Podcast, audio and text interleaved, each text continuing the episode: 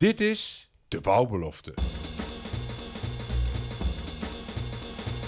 De podcast voor bouwers die het anders en beter willen doen. Met altijd een frisse kijk en dwarse blik. Arjan Tullintunnel. Anders en beter luisteraars. Dat is waar we voor gaan met de bouwbelofte met opnieuw een spraakmakende gast. Zijn naam is Paul Bessem. Hij is van Weeconomics. Paul, welkom in deze bouwbelofte. Goedemorgen Arjen. Goedemorgen. Ja, Weeconomics. Uh, ik denk even bij dat woord aan mijn uh, HAVO-tijd in vervlogen tijden. Uh, mm. Economie, algemene economie. Uh, jij zegt Weeconomics. dat zal vast ergens, ja, ergens voor bedoeld zijn. Neem ons eens mee. Ja, de oorsprong ligt al uh, ergens een jaar of tien, nou inmiddels twaalf geleden. En daar stond toen voornamelijk voor wij-economie. Dus uh, ook eigenlijk als uh, tegenzet van de ik-economie. Dus wat wij eigenlijk ook de afgelopen 10, 12 jaar gedaan hebben, is van ecosystemen naar ecosystemen gegaan. Dus vandaar dat eigenlijk die oorsprong ligt in de wij-economie. Ja, en die wij-economie, ik hoor je ook zeggen, een jaar of tien geleden, zei je, meen ik, hè? Ja, 2010 even aan mijn hoofd. Ja, en, en, en wat was toen, voor de luisteraars die dat niet mee hebben gekregen, wat was toen de, de aanleiding om tot die wij-economie te komen? Nou, direct was er natuurlijk 2008, de financiële crisis. Uh, dat staat iedereen nou wel in het geheugen. Maar voor mijzelf was ik al eigenlijk iets eerder bezig. Even heel kort. Ik heb in de jaren 90 een uh, internetbedrijf gehad van tegen de 50 mensen. Ik dacht, zo hoort het. Hè? Dat doe je via een bedrijf met een gebouw en een kantoor toen heb ik eigenlijk geleerd van uh, ja, dat je eigenlijk dingen, uh, zeker in een data-gedreven context, waar we straks wellicht naar op ingaan, dat je dat veel beter met een netwerkorganisatie kunt organiseren.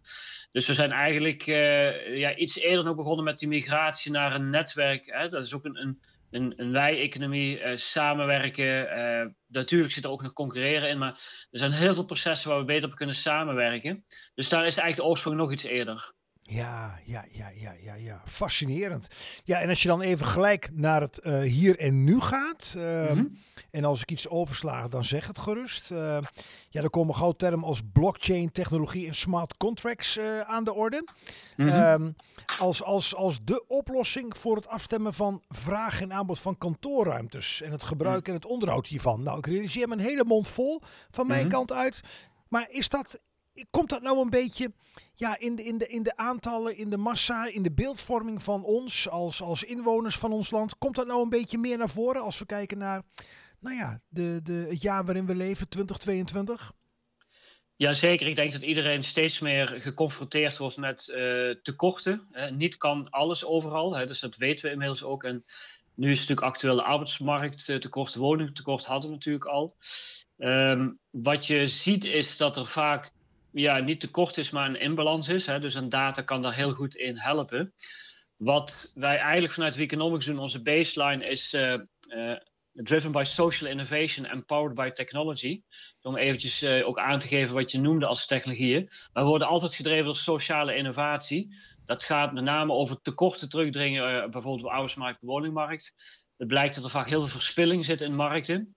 Dus met datatechnologie, en dan komt het empowered by technology, met datatechnologie, en dat kun je dan afpellen naar IoT, blockchain, AI, smart contracts, ja, kun je eigenlijk veel beter balans vinden tussen vraag en aanbod. En daarmee ook veel beter verduurzamen. dus eigenlijk hebben we geen tekorten, ook niet op de arbeidsmarkt, we hebben vooral een organisatietekort. We kunnen ons vaak nog een heel eh, ja, slecht design veroorloven, ook binnen IT of in de, in de bouwwereld zijn we er ook nadrukkelijk mee bezig. Dus we kijken altijd hoe je kun je data inzetten om vraag en aanbod beter te organiseren en te balanceren. Ja, ik kan me zo voorstellen, en dat is het mooie ook aan deze podcast, uh, Paul, en voor de luisteraars. Je zegt eigenlijk nu twee keer al, en, en mooi, er zijn eigenlijk helemaal geen tekorten. Nee. Zowel in de woningbouw niet als op de arbeidsmarkt. We hebben alleen een organisatorisch probleem.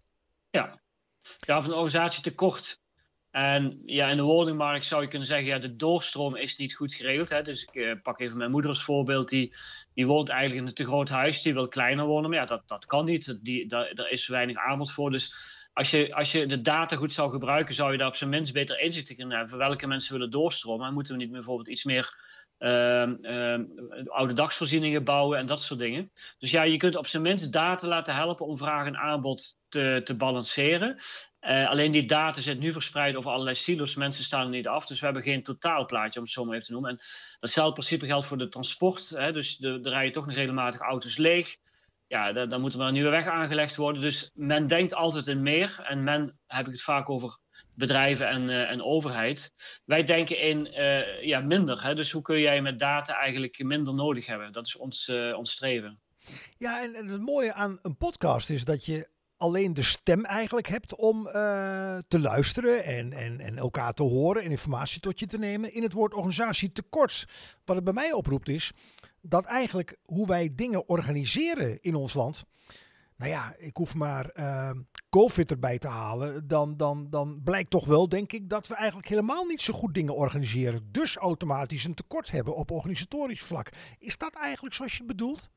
Ja, dat is, dat is het grote probleem. En dat, dat zit vervat in eigenlijk, we noemen dat de dominante logica. En de dominante logica is eigenlijk een interpretatie van wat jou tot nu toe succesvol heeft gemaakt. En dat rationaliseert om daarmee door te gaan. En dus even heel abstract vanuit de theorie, maar in de praktijk betekent het dat we nog meestal uh, zorg, onderwijs, bouw, eigenlijk alle sectoren organiseren alsof we in de industriële revolutie zitten. dus de, de, het bedrijf is ideaal vorm om vraag en aanbod bij elkaar te brengen. Ja, die context is enorm veranderd. We hebben eigenlijk steeds minder te maken met uh, zeg maar de traditionele productiefactoren land, arbeid, kapitaal en steeds meer met data. Dus ja, als, je context verandert, moet je ook echt de manier van organiseren veranderen. Ja, en dat, dat, dat werkt nog niet heel goed. Eh, er worden wel economen uitgenodigd aan de, aan de tafel bij Nieuwsuur, maar nooit organisatiekundigen.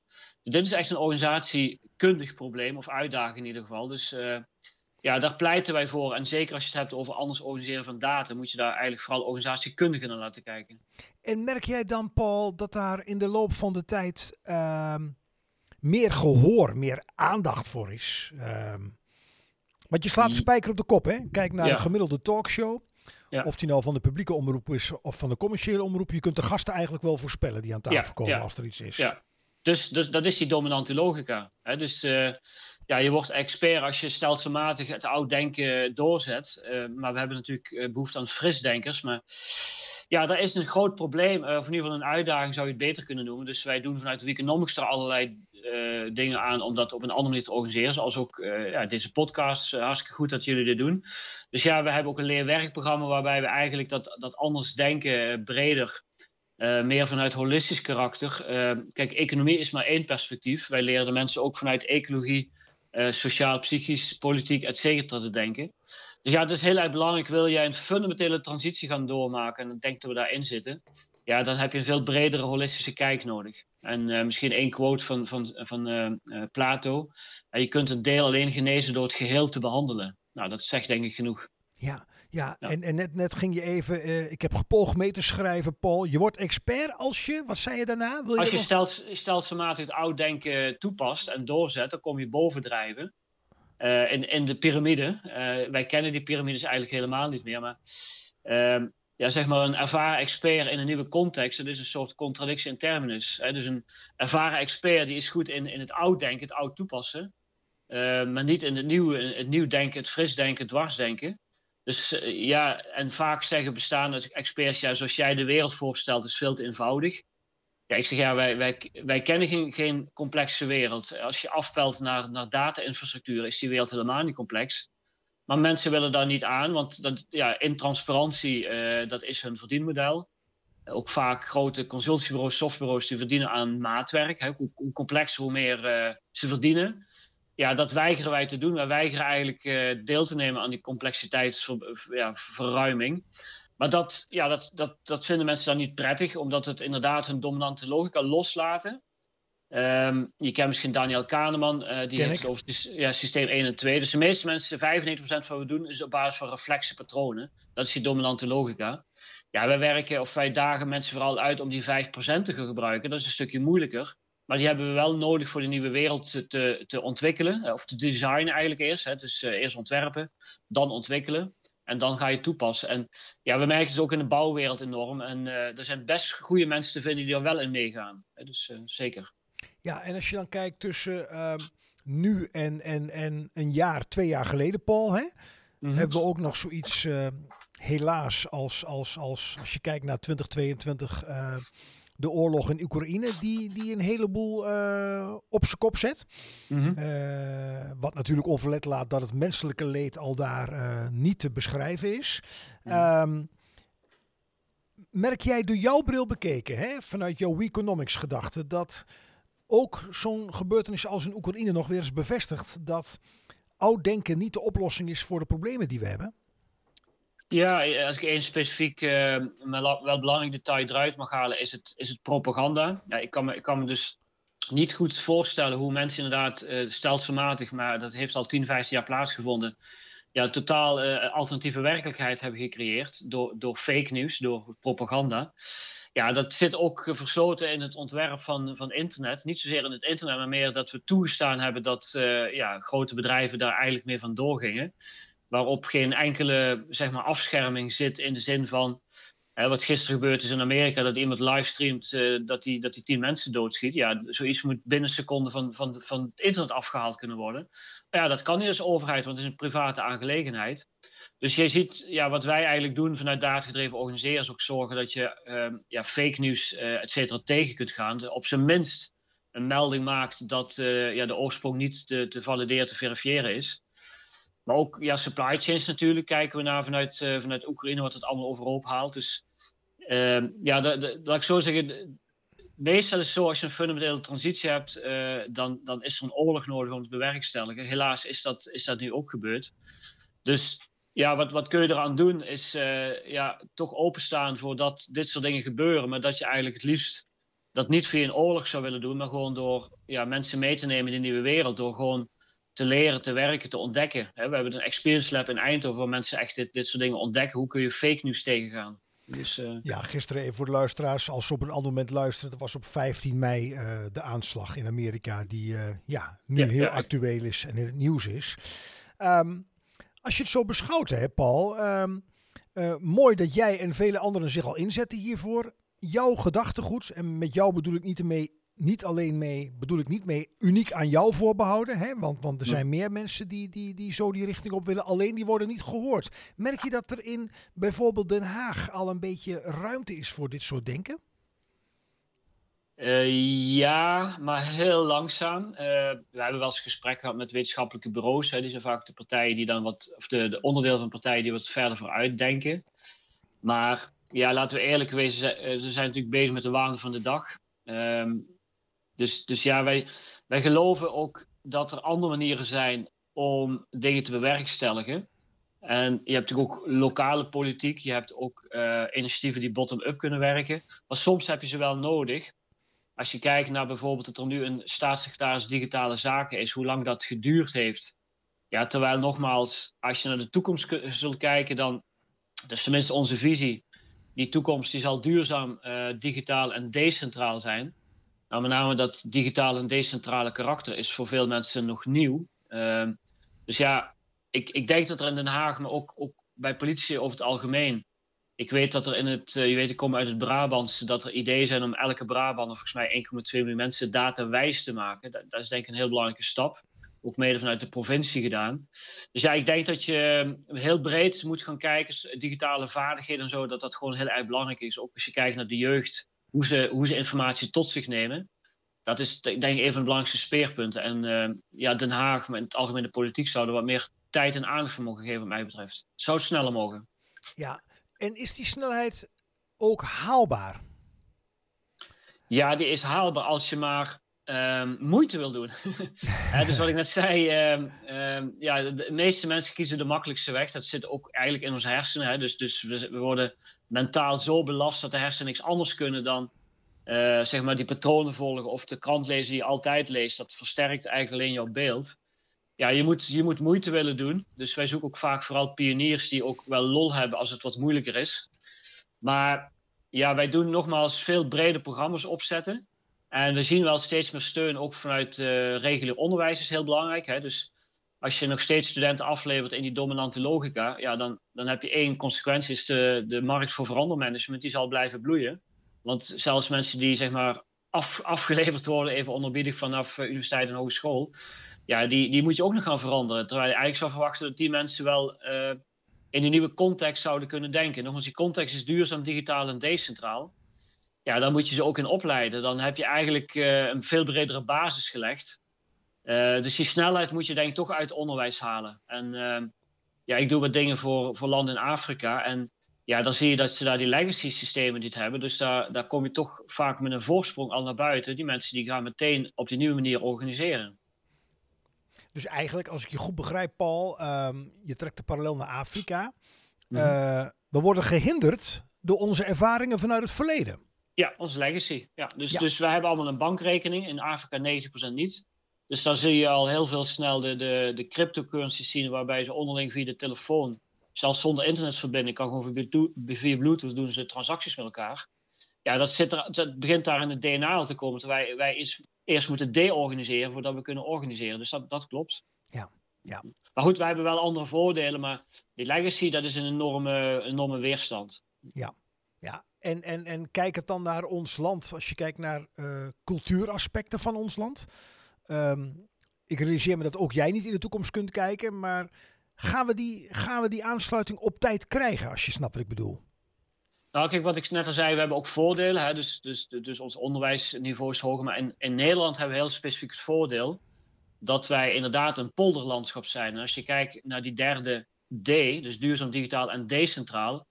We hebben technologie, je hebt het al genoemd, blockchain technologie, waarmee je peer-to-peer van mens tot mens zaken kunt doen. Daar hoeft eigenlijk niks meer tussen te zitten. Dat betekent dat je ook met elkaar overlegt hoe zo'n systeem eruit gaat zien, uh, wie de incentives krijgt, hoeveel.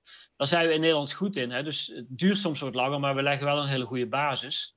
En onlangs ook nog iemand eh, gesproken die meer in de muziekindustrie zit met het afrekenen van royalties. Uh, de, de, de, Amerikanen zeggen ook van ja, ik veel beter DNA om decentrale technologie, zoals smart contracts en blockchain, toe te passen. Dus we hebben daar in Nederland, ook met de Dutch Blockchain Coalition bijvoorbeeld, wel weer een voorsprong in. Uh, het duurt wat langer. In Amerika zie je, en, ook in China, dat die applicaties heel snel opkomen. Maar die zijn helemaal niet, niet echt democratisch. Die zijn of vanuit een groot techbedrijf of vanuit de overheid. Dus in Nederland en Europa breed zijn we bezig met een uh, meer privaat-publieke data-infrastructuur aan te leggen. Net als uh, ja, de nutsvoorzieningen zoals we kennen. Dus, dus, dus stroom, water, gas. Maar ook het wegennet, de, de spoorinfrastructuur. Daar hebben we in Nederland wel een voorsprong in dat we dat heel goed privaat-publiek kunnen doen. Ja. dus dat, ja, die data-infrastructuur is iets waar wij ons heel erg op richten. En dat is ook voor de bouwwereld belangrijk dat je eigenlijk data maar op één plek hoeft bij te houden. En vervolgens organiseer je toegang tot die data. Want laten we wel zijn, als het goed is heb je maar één geboortedatum. Ik ook. Maar jouw geboortedatum staat op vijf, uh, eh, 500 verschillende databanken gemiddeld. Uh, dus, dus die data-infrastructuur die kunnen we heel goed in Nederland gaan aanleggen. Het zal niet lang duren voordat er data-nutsbedrijven gaan komen. Dus, data-nutsbedrijven? Ja. ja. Vertel dus er kort eens iets bij. Ja, in Vlaanderen hebben ze afgelopen jaar dat, dat initiatief ook opgestart. Wij zijn er ook al langer mee bezig. Maar uh, ja, kijk, wat je hebt, het lijkt gelijk wel eens met, we hebben net gehad over organisatietekort. Hè? Dus ik zeg dan, we hebben geen tekort aan IT'ers, we hebben een organisatietekort. En de vraag is, hoezo dat? Ik zeg, nou, stel je voor dat thuis elke elektrisch een ander stopcontact nodig had. Dan hadden we toch een tekort aan elektriciens. We hebben dat gelukkig anders georganiseerd. Dus elke applicatie, of die nou stroom omzet in beweging, warmte of geluid, die, die plugt in op hetzelfde stroomnetwerk.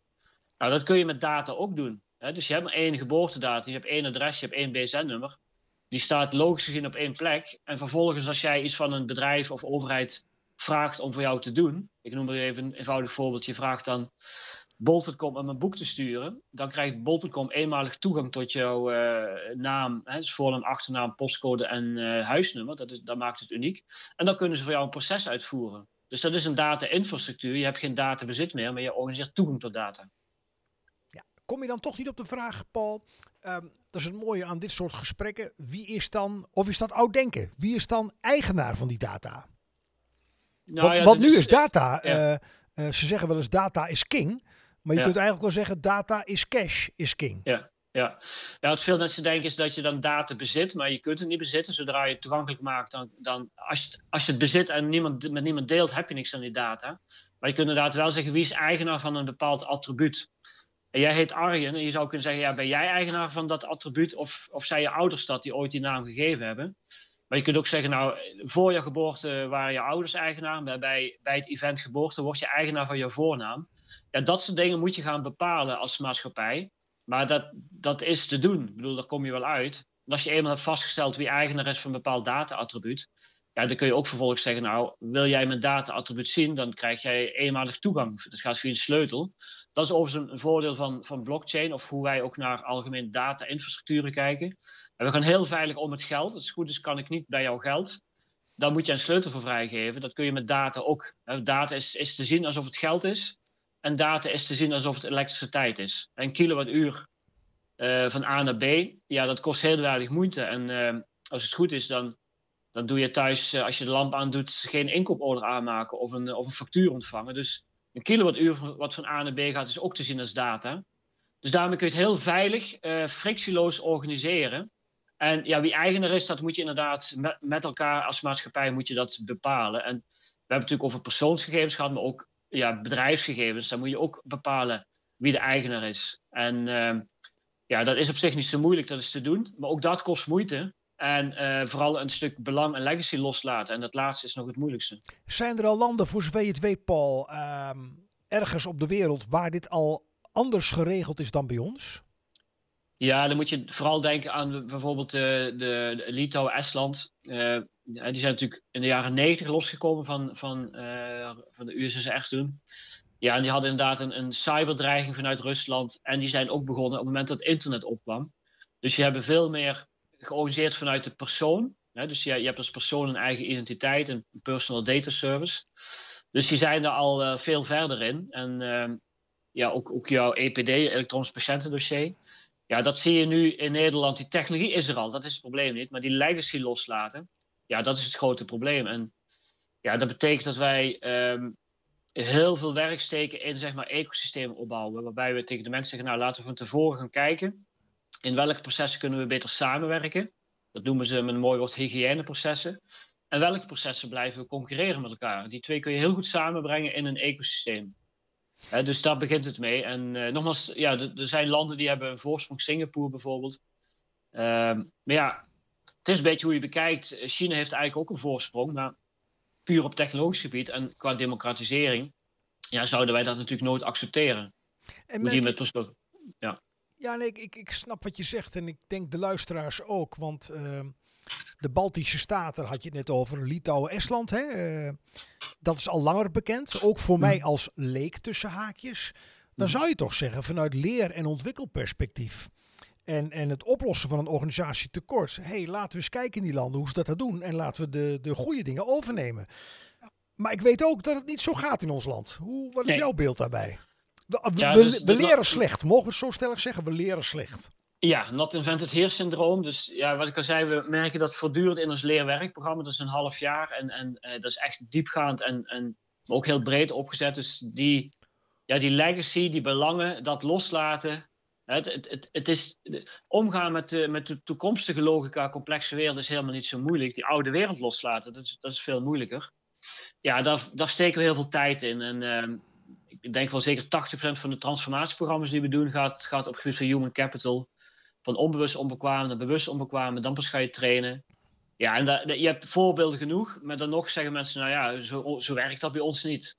Ja. Nou, Hè, dan ja, zegt daar, oké, wil je vooruit of wil jij terug in jouw comfortzone? Want uh, dan heb je straks een probleem. Want de rest gaat wel vooruit. Dus ja, we, we, nemen wel steeds meer mensen. Je kunt een beetje vergelijken met de energietransitie, die natuurlijk eigenlijk al begon in de jaren 50 met de Club van Rome.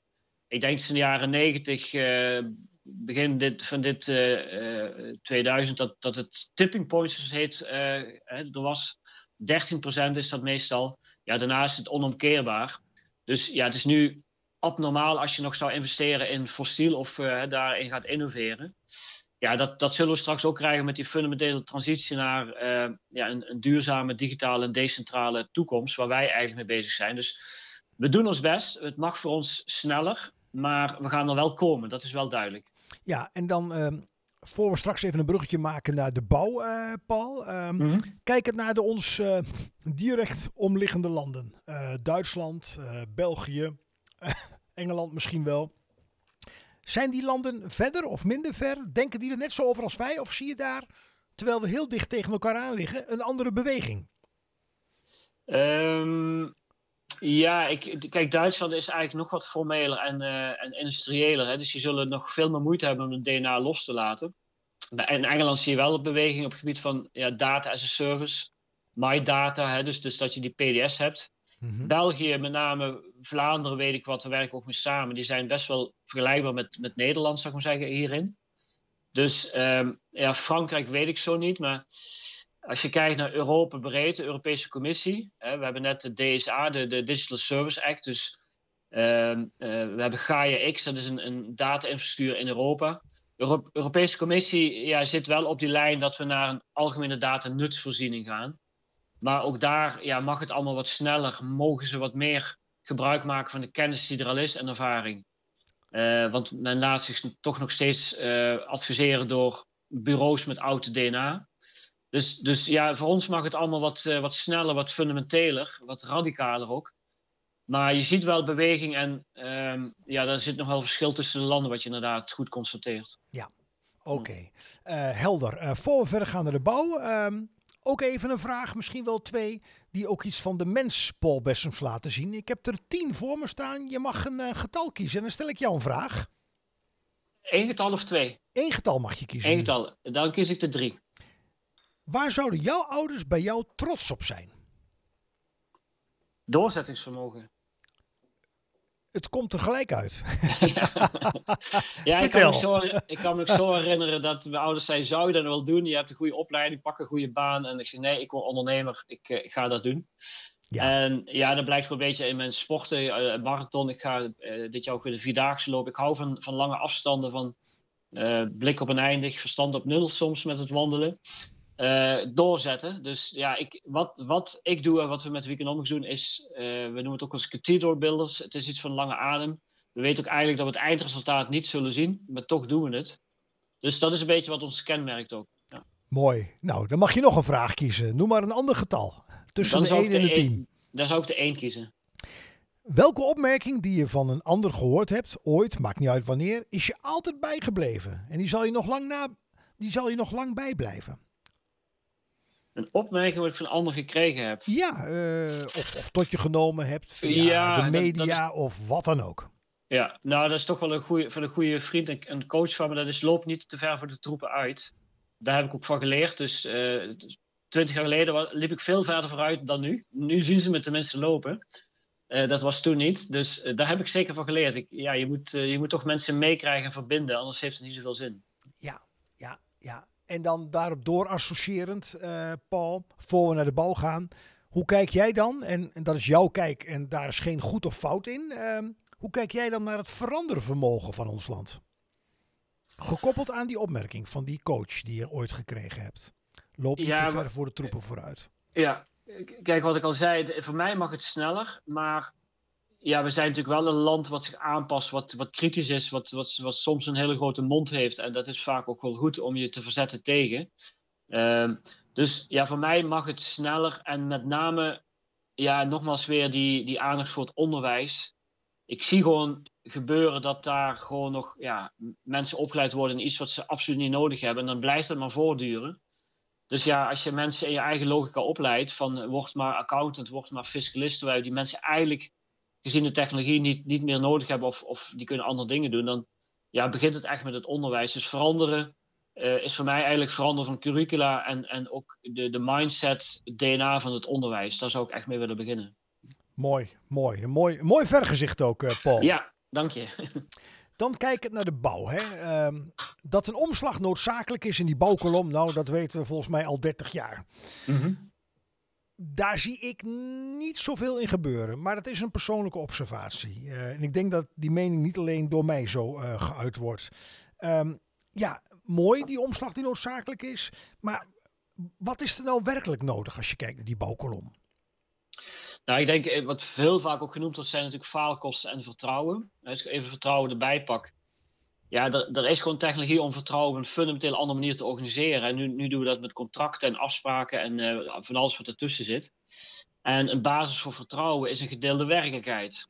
En uh, gedeelde werkelijkheid betekent dat je met A en B, want je doet altijd transacties met z'n, met, met tweeën, uh, dat je dus ja, fundamenteel anders kijkt naar ja, eigenlijk het gebruik van data erin en ook IoT. Dus wat we met name in de bouw zeggen is van op het moment dat een feit plaatsvindt, een HR-ketel is geplaatst, dat feit is gebeurd, en je hebt er overeenstemming over, dan moet je dat feit ja, eigenlijk vastleggen dat je dat niet meer achteraf kunt aanpassen. Wij noemen dat een gedeelde, verzekerde en toegankelijke werkelijkheid. Dat klinkt even heel abstract, maar je legt iets vast als het gebeurt.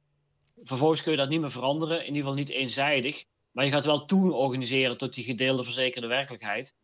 Uh, dat is even heel abstract en theoretisch, maar dat betekent dus dat bedrijven geen eigen boekhouding meer hebben. Uh, je hebt een boekhouding per asset, die, die HR-ketel gaat bij de leverancier van de voorraad af en die komt in het gebouw erbij, daar kan geen verschil in zitten.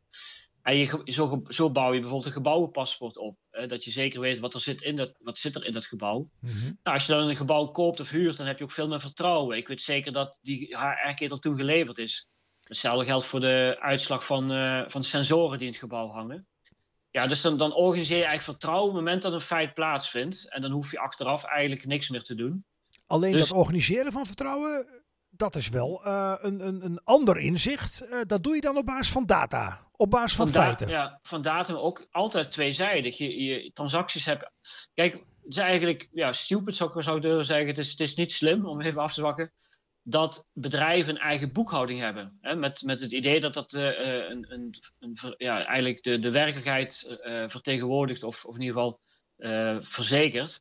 Maar als jij een transactie doet met een ander bedrijf, ja, dan hebben die twee bedrijven niet dezelfde boekhouding op die transacties. dus je hebt, we hebben geen gedeelde werkelijkheid, we hebben een lokale werkelijkheid. En dat geldt ook voor het CRM, het HRM, het BIM-systeem dat zijn allemaal lokale werkelijkheden. En de oorsprong daarvan ligt dat we natuurlijk data en informatie zeggen organiseren sinds de jaren 60, 70. De dominante logica toen was het bedrijf als uitgangspunt nemen. En niet, niet de keten of de persoon.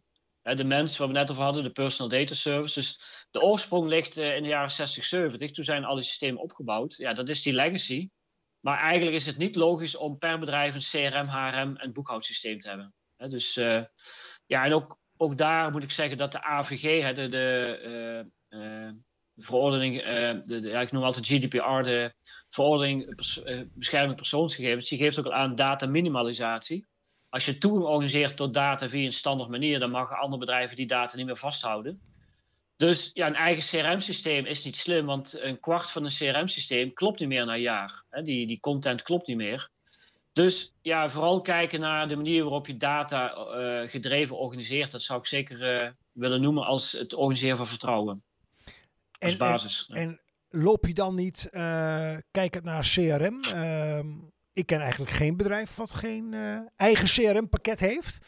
Nee. Ehm, als ik die er even uithaal, los van de vele andere systemen die er zijn. Ja, dan lijkt me dat nog een hele mijl op zeven. Wil je dat ehm, binnen nu en vijf jaar gaan veranderen of binnen nu en tien jaar? Of zie jij het anders? Ja, ik, ik, zie het anders. Dus ik pak in de training altijd het voorbeeld wat ik net ook noemde. Je, je bestelt een boek bij bol.com en je vraagt het hun en dan hebben ze iets voor nodig om dat proces uit te voeren.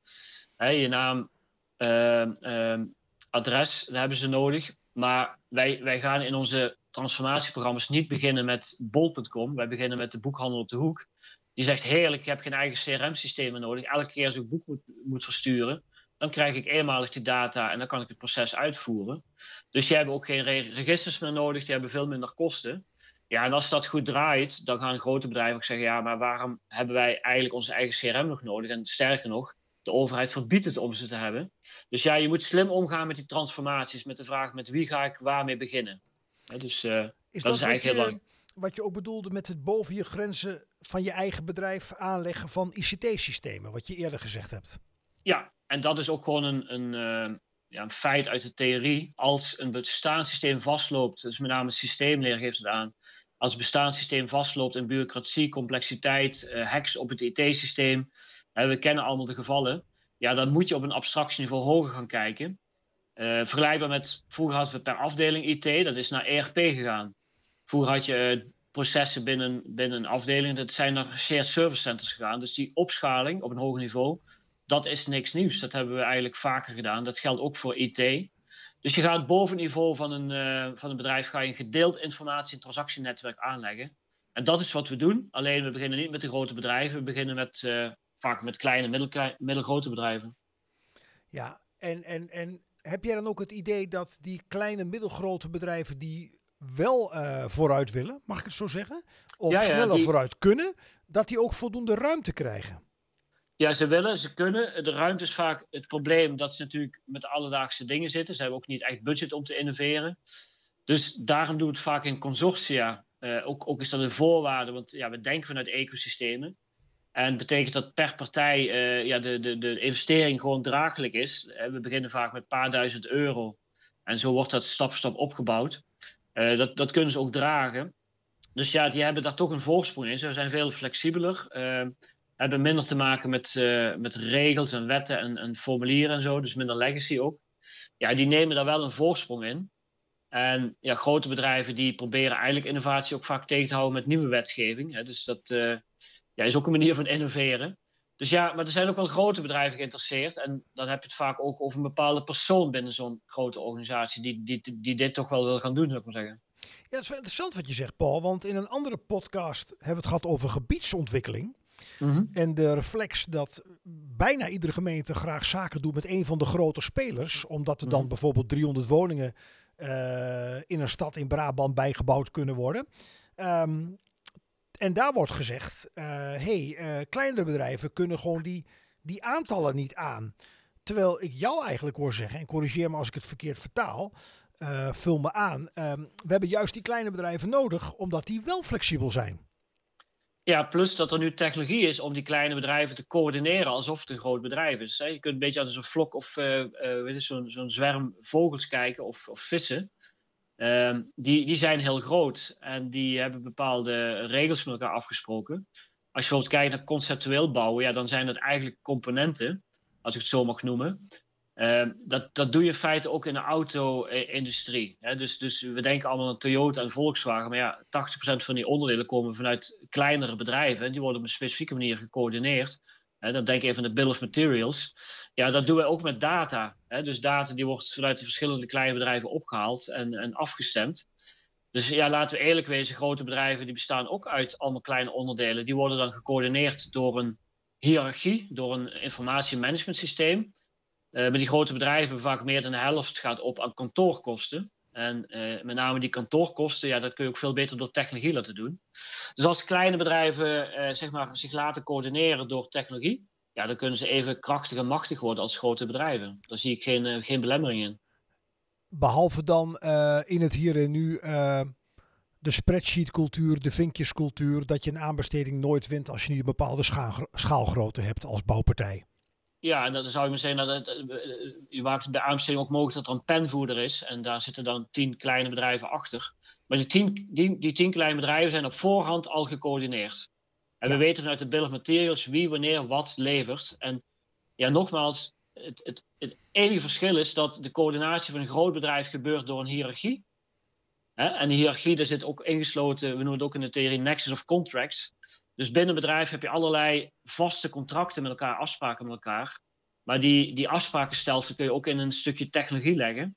Waarbij je dus, uh, ja, we kijken ook, ook, ook naar China. Daar heb je Haier, ik weet niet of het bedrijf kent, maar Haier is een, een wit- en bruingoedbedrijf, het grootste ter wereld. Maar dat zijn 4000 micro-organisaties.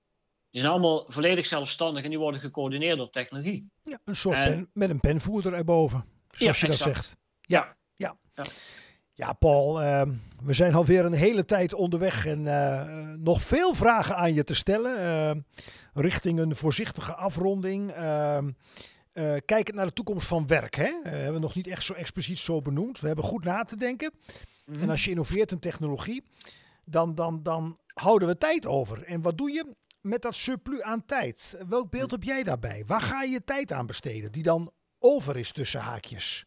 Ja, nou ja, dat, dat klopt. Heb je, heb je goed gezien. Dus het is in historie altijd zo geweest dat technologie, daar worden we productiever van als we het goed inzetten. Dan creëer je surplus. En vervolgens is de vraag, waar gaat het surplus naartoe? En dat ging van jagen naar landbouw, landbouw naar fabriek, fabriek naar kantoor. Ja, nu zitten we in die kantoor, dus als we nu technologie inzetten en niet nadenken wat we surplus doen, dan gaat die technologie niks doen. Dat, dat weten we inmiddels. Maar nu zie je dat er steeds meer druk komt op die surplus. En dat heeft te maken natuurlijk met waar we ook mee begonnen, de, de arbeidsmarkt, uh, de, de, de, tekorten die je overal ziet, maar ook denk aan uh, mantelzorg, onderwijs. Hè, klasjes worden steeds groter, zijn geen docenten meer te vinden, veiligheid, zijn geen beveiligers meer te vinden. De, voorzitter van de voetbalclub of, of de scouting. we hebben enorme problemen in de jeugdzorg. Ja, dat is deels te wijten aan dat we die kinderen aan een lot overlaten. Ja, er zijn zoveel behoeftes om dat surplus in te vullen. Laten we ze, laten we z'n allen in ieder geval afspreken dat we niet overbodig redundant werken in kantoren gaan doen. En, uh, want er is technologie voor. En laten we kijken hoe we met z'n allen inderdaad dit soort maatschappelijke uitdagingen op kunnen pakken vanuit dat surplus. dus ja, er is, er is zat te doen. Fake news, uh, democratisering. dus, dus de democratie die, ja, die kan niet voor blijven bestaan met een kwartiertje per vier jaar de, de kieswijzer invullen. De democratie vraagt input van mensen, nadenken, informatie inwinnen. Dat kost dus tijd. En, en die surplus, uh, ja, die moeten we heel nuttig gaan gebruiken. Dus ik denk dat er genoeg te doen is. En uh, die technologie is, is er ook om het surplus te creëren. Ja, ja. En, en, en, en dan een voorzichtig doorkijkje, Paul, naar de nabije toekomst. Hè? Mm -hmm. um, zeg eens 0 en 2 jaar. Uh, ik vraag me af en vul me aan als jij het anders ziet, dat verder vooruitkijken uh, redelijk ondoenlijk is. Uh, gegeven alle ontwikkelingen in de wereld. Maar als je, als je een voorzichtig doorkijkje naar een jaar of twee neemt. Mm. Onderwijs is al voorbij gekomen. Uh, bouw is voorbij gekomen. Uh, surplus aan, aan tijd. Uh, ja, de, hoe, hoe zie je dan, hoe zou de wereld er dan binnen ons land, hoe zou ons land er over twee jaar uitzien als er geen beperkingen zouden zijn? Ja, nou, dat is een goede vraag. Overigens, wij, wij pakken altijd inderdaad een doorkijk veel langer vooruit. Hè. Dus de, we noemen dat idealized design. Hoe zou de ideale wereld eruit zien? En stap voor stap ga je naartoe.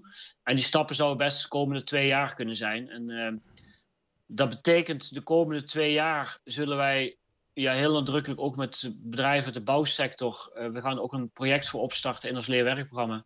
Zijn we bezig om zeg maar stap voor stap die nieuwe wereld te gaan vormgeven. Dat gebeurt ook gewoon met een use case, een uh, proof of concept, een simulatie, een demo, een MVP. Gewoon stap voor stap ga je eigenlijk zo'n applicatie opbouwen. Waarbij je geen eigen CRM of wat dan ook meer nodig hebt. Of vanuit BIM kun je leveranciers aansturen. Dat, kan, dat gaat de komende twee jaar gebeuren met als voorwaarde dat bedrijven het moeten zien als een leercase en nog geen business case. En, en we, gaan, we gaan kinderen ook niet, uh, uh, die zijn ook niet meteen productief als ze geboren worden. Dus dat, dat gaan we de komende twee jaar vooral doen. En er worden wel concrete producten en applicaties al opgeleverd. En, en heb je ook het idee, Paul, want dat zou geweldig zijn, dat er al partijen zijn in de landen die daaraan mee willen werken en het zien als een leercase? Mm -hmm. Ja, we hebben goede contacten bijvoorbeeld met uh, netwerk conceptueel bouwen. Uh, natuurlijk met DWA, dat weet je, uh, met, met Hoppenbrouwers. Er zijn meerdere partijen ja, die interesse hebben om dit gezamenlijk op te zetten en daarvan te leren. En vervolgens kijken hoe ze het individueel kunnen toepassen dus ja, ik zou zeggen, sluit aan als je interesse hebt. Neem even contact op. Uh, we kunnen zeker nog partijen gebruiken. We gaan ook naar een MVE, noemen ze dat, een Minimal Viable Ecosysteem. Dus wat heb je minimaal nodig om inderdaad met elkaar naar een gedeeld informatie-transactienetwerk te gaan. je mag best met elkaar blijven concurreren, maar op datastromen kun je het beste samenwerken. dus daar zijn voldoende mogelijkheden en uitdagingen voor. Mooi, mooi. Ja. Nou, dan, dan toch een laatste vraag aan je, uh, Paul, voordat we aan het einde zijn gekomen uh, van deze podcast. Met alle uh, omdenkgedachten, mag ik het zo zeggen, mm-hmm. en, en oud denken proberen los te laten. Ehm, waar maak je je momenteel in meer of mindere mate zorgen over? Ja, waar ik mij zorgen maak, om een heel praktisch voorbeeld te noemen, is de flitsdiensten in grote steden. Zo beschrijven, hoe komt je daar nou op? Maar ja, als ik dan mensen zie uh, die wonen drie minuten lopen van een winkel af, die dan niet meer de moeite nemen. Hè? We hebben vandaag ook CBS-cijfers dat meer dan de helft van de Nederlanders te weinig beweegt. Ik maak mij zorgen om de, de gemaksindustrie en wat voor een maatschappelijke consequenties dat gaat hebben. Dat is ja, het paard achter de wagen spannen. En ik geloof wel dat, dat steden nu wat sneller ingrijpen dan bijvoorbeeld in de tijd dat Uber en Airbnb opkwam. Ja, dus ik denk dat we hebben moeten leren van, van het verleden. En dat, hè, wie, wie, de, wie het verleden kent, verwacht de toekomst. Dus ik maak me wel eens zorgen om, uh, om dat soort ontwikkelingen. Even heel concreet en, uh, en wat me zo in, in, naar boven schiet. Ja. ja. nou het is ook heel actueel. Het is mij ook niet ontgaan in de media. Ik meen dat je het net goed zei, hè? de helft van onze bevolking beweegt gewoon te weinig. En dan gaat ja. het over 2,5 uur um, ja. matig bewegen zelfs. Niet eens in, in, in spannend uh, 2,5 uur per week. Dat we dat zelfs nou, niet eens halen. Nou, de winkel lopen bijvoorbeeld. ja, ja, ja, ja, ja. Nou Paul, um, uh, dank je wel. We zijn alweer toe aan het einde van deze uh, Bouwbelofte podcast. Uh, fijn dat je er was. Graag gedaan. Veel plezier en succes ook met alles wat Weeconomics wil zijn en uitdragen. En nog mooier dat je ons als luisteraars even bij hebt gesproken wat betreft nieuwe ontwikkelingen. Ik sluit af met de woorden tot de volgende bouwbelofte.